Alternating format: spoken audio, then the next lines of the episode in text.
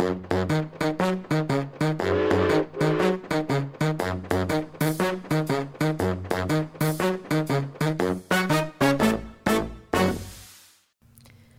og velkommen til museumspodkasten Ekspedert.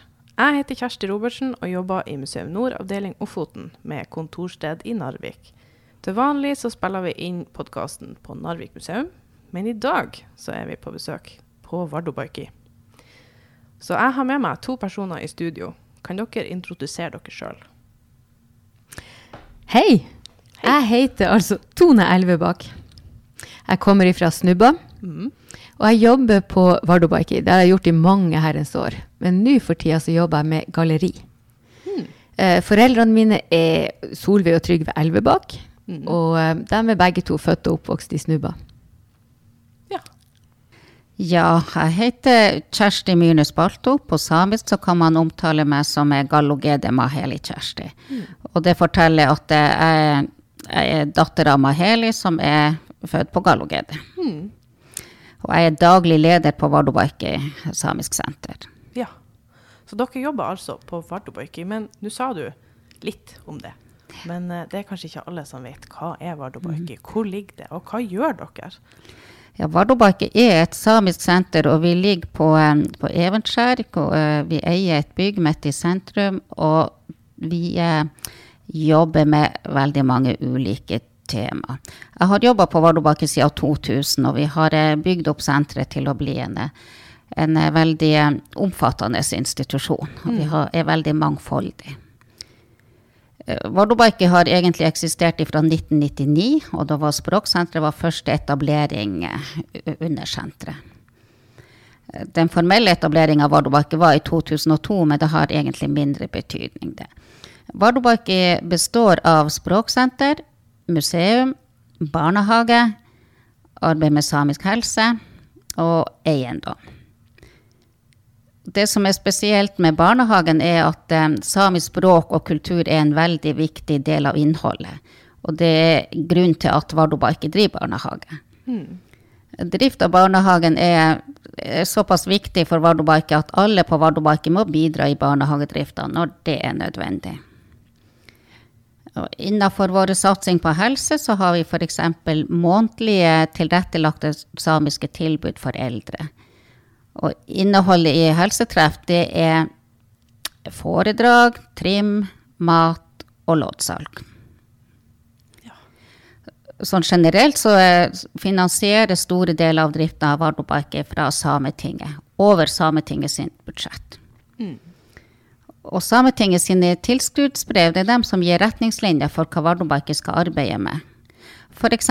kan vi se i tilskuddsbrevet at Språksenteret skal ha hovedfokus på språkarena og språkkurs, altså samisk kurs. Og det vil startes nye kurs til høsten. Når det gjelder museet, så har Folkemuseet har overført en del gjenstander til, museum, til de samiske museene gjennom prosjektet Båstedet. Båstedet, begrepet det er sørsamisk og betyr hjemkomst. Vardøbakke fikk 32 gjenstander med når at det, i den prosessen. Og de er utstilt nå. Ja. Og ellers så bygger museet opp nå en ny basisutstilling. Eller ikke en ny, det blir den første basisutstillinga for Vardøbaike. Og del én skal være klar til åpning i september. Den vil dreie seg om, eh, om den eldre samiske historien. Og vi vil bl.a. få på plass ei bjørnegrav, som, og vi vil også fortelle om bjørn sin plass i samisk mytologi. Men eh, alle kan glede seg til å se utstillinga i september. Ellers så har vi også en flott butikk med mye sølv og bøker og annet. Så, Tone. Det er jo noe nytt at dere er med på en podkast i lag med oss. Mm. Så vi må kanskje si litt om hvordan det har skjedd. Ja. Egentlig så er det jo faktisk takket være deg, Kjersti, at vi er med på denne podkasten. En eller annen gang på en annen, en annen anledning så treftes vi og begynte å prate jobb, som man ofte gjør. Og da føddes den lille ideen om at åh, et felles, en felles podkast, eller, eller samarbeid om en podkast, hadde jo vært råspennende. Så vi er rå, jeg er kjempeglad for at du eh, tok initiativ til det her og, og drar oss med. Ja.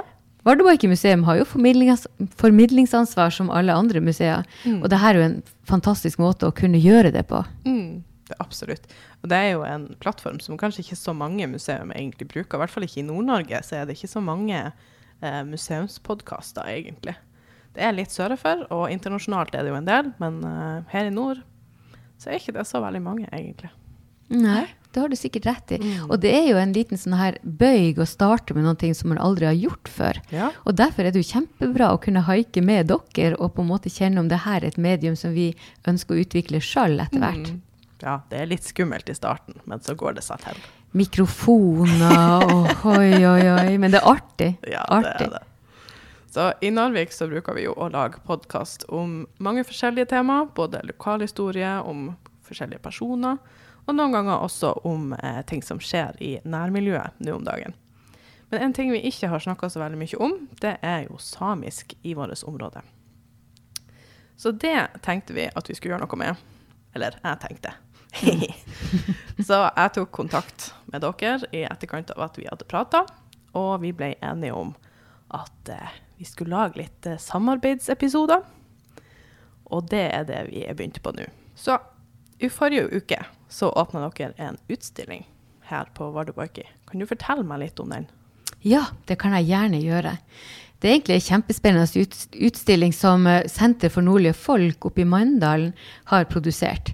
Og det er han Ola Rød som har tatt bilder gjennom egentlig eh, de fleste av de store hendelsene i eh, den samiske historien. Um, han begynte på 70-tallet og var med på Alta-aksjonen, f.eks. Og han har vært med på mange forskjellige sånne her, uh, sånne her uh, hendelser, for å si det sånn.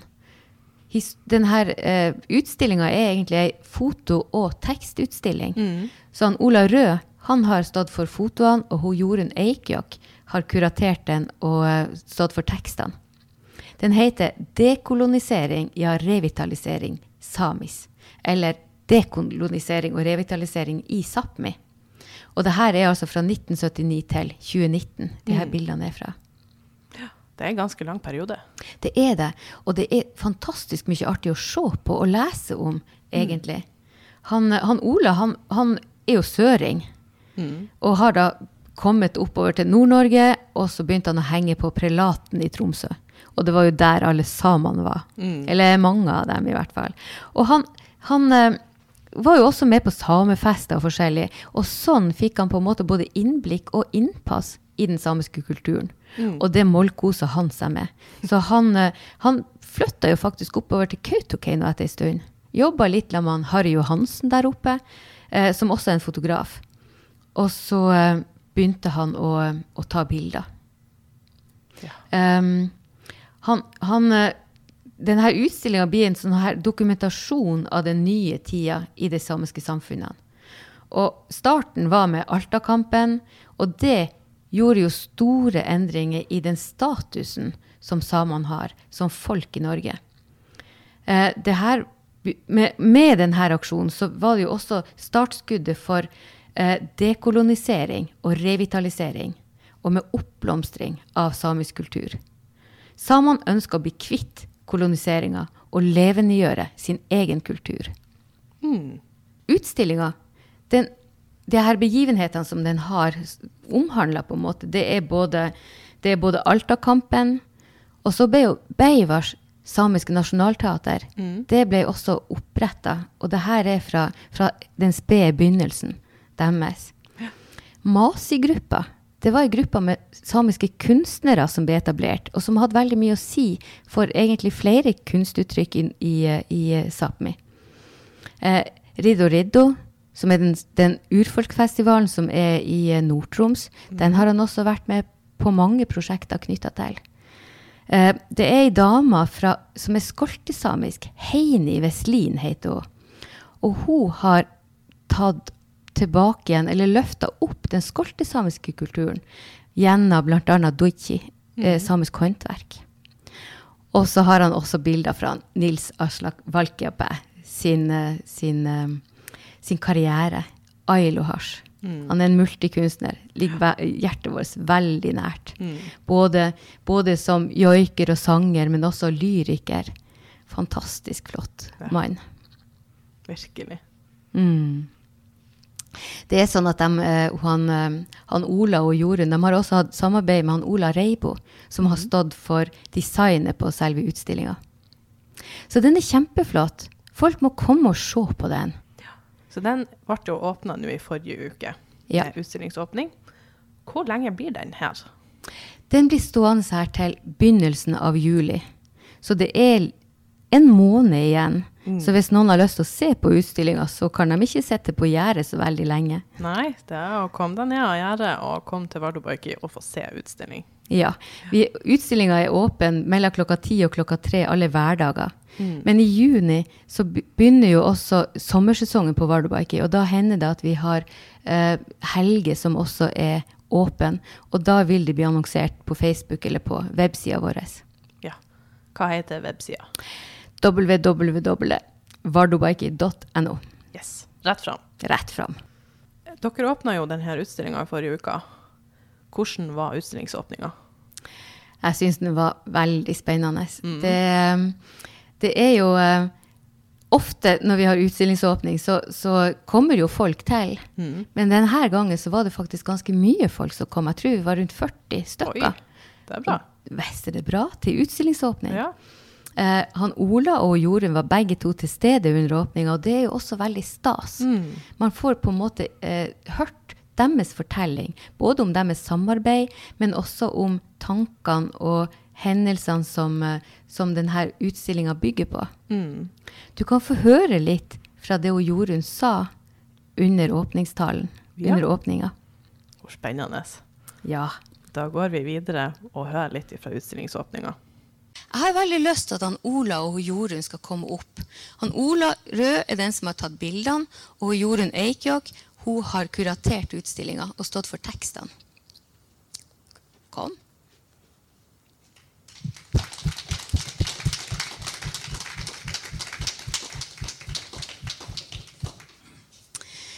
Senter for nordlige folk. De eh, tok initiativet til denne utstillinga. Mm. Og vi fikk tilbud om å leie den for en stund. Og vi ble råglade. Dette er jo spennende. Veldig spennende utstilling. Um, men så er det jo alltid artig å høre litt om tankene bakom utstillingen, hva som, og arbeidet som ligger bakom, og egentlig lære dere også å kjenne litt. Grann. Ja. Um, Boris Boetin Båkaide. Da jeg kom hit i dag med Tone fra Harstad, så kom jeg på at Ola og mitt samarbeid starta jo faktisk her. Her, hvor dere er. Og det var veldig spesielt. Det hadde ikke jeg tenkt på før, før jeg kom hit og, og kjørte over brua og kom hit. I 1998 så laga Ola og jeg eh, et eh, dokumentar, sånn her utstilling, sånn som, ja, utstilling, som het eh, Sami eikekovat oda jaketo hætis. Samiske tidsbilder i det nye tusenåret. Og den hadde også premiere på Festspillene i Nord-Norge. Og der hadde vi fem dagers arrangement i en helt egen etasje. Med seminarer, tre, workshop, eh, nei, tre ganger hadde vi visning per dag. Og vi hadde veldig mange ungdommer særlig ifra herfra. Så derfor så er det veldig rørende og sterkt å være tilbake her sammen med dere nå. Mitt store ønske er at vi skal få til en samtale etterpå. Når vi lager de her utstillingene, så lager vi det sånn at vi produserer det, vi viser, og så for meg det, har det hele tiden vært kjempeviktig å ha de her dialogene og samtalene, fordi at jeg vil at det skal skje noe. Når, når vi drar herfra, så skal vi sitte med noen nye refleksjoner i oss. Og dette handler jo om de, dekolonisering revitalisering. Og Ola, jeg oppdaga Ola har jo vært og tatt bilder i den heftigste tida i samisk historie. Hva? fra 1979 til 2019. Han begynte som lærerskolestudent, ble kjent med Artis med Artis. Og Artis og du og, og de vennene dine herifra Lavangen og her, herifra Markebygdene, dere var jo eh, eh, identitetsforkjempere. De var, dere var aktivister. Og Ola kom i kontakt med dere. Og hva skjedde med Ola? Han fikk forståelse av hva det samiske var. Gjennom Artis, deg og dine dere gikk på lærerskole sånn. Det var det som gjorde at Ola torde å komme i kontakt med det samiske og begynte å dra rundt i Sápmi og ble kjent med flere og flere. Og tok de her bildene fra den historiske tida, vår, vår, vår samtid, vår samtidshistorie. Og ingen andre har gjort det sånn systematisk i hele den perioden på 40 år. Og jeg må bare si det at jeg ble helt eh, Det gjorde sterkt inntrykk da når jeg oppdaga at Ola har jo tatt bilder av de her viktigste dekoloniseringshendelsene i Sápmi. Vi har seks. Vi har valgt ut seks det vi kaller for grunnsteiner dekolonisering har skjedd på mange måter i Sápmi siden 70-tallet. Men vi har valgt ut seks. Det første er Alta-kampen, der Ola var. Det var da når uh, Beiver Sami Nasjonalteater ble etablert. Du var der da når de uh, hadde den første forestillinga, Våre vidder. Mm. Det har du dokumentert. Absolutt første. Og det var dekoloniseringsprosjekt. Og det går hånd i hånd med revitalisering. Oppblomstring. Den tredje som vi har valgt ut, det er eh, Mädrejako, den samiske kunstnergruppa i Masi. Den var ca. seks, sju, åtte stykker som etablerte seg på det nedlagte internatet i Masi. Og begynte å lage Skapte et helt nytt rom for samisk kunst som ikke hadde eksistert før. Som gjør det at uh, de var på en måte veivisere for, det, for, for Sápmi, de her kunstnerne. Den måten de skapte kunst på. Fra 19. Og så var du mm, Rido Rido. Da, da, var ikke du alene der. Da var vi mange, mange, mange, mange, mange, mange, mange. Så mm. der er det et eh, av bilder gjennom mange år. Mm. Og Riddo Riddo, dere, det er den moderne fortellinga om Sápmi. Eh, og så kommer Så har vi valgt ut også to personer. Mm, og det er Den ene er Heini Vestlin. Heini er skoltesame som bor i Sevetijärvi, som er på finsk side i Enare kommune. Heini tok tilbake sitt skoltesamiske språk. Fordi at den var jo også i hennes generasjon, noe født i 81, begynte å bli usynliggjort, og folk var begynt å skjemmes. Fordi at sant, skammen har vært denne felles samiske erfaringa. Den er også med oss. Men samtidig denne livskraften og kampen for å ta tilbake den historien vår og den vi vil være og ønsker å være. Og Heini sine barn snakker uh, skoltesamisk. Og hun er også en veldig fremtredende Du er ikke utøver. Uh, et forbilde. Og hvem er den siste? Det skal Ola få lov til å si. Ailuhas. Ailuhas, selvfølgelig. Ailuhas er et samisk ikon og nasjonsbygger av dimensjoner.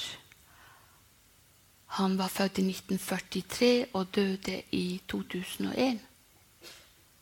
Ja, ja. i 2001 og, eh, på grunn av en trafikkulykke han var utsatt for.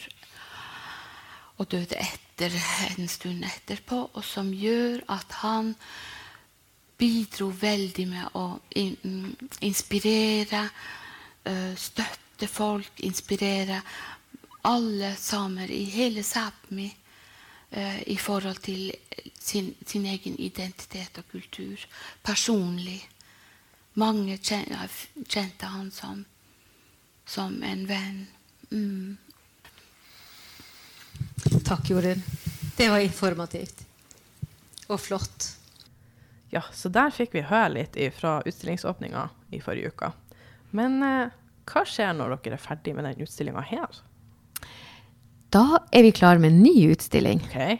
Da er det ei ung jente som kommer til oss, som heter Mathilde Magga. Mm. Hun har altså laga ei utstilling med tekster okay. som heter The Places We Exist. Mm.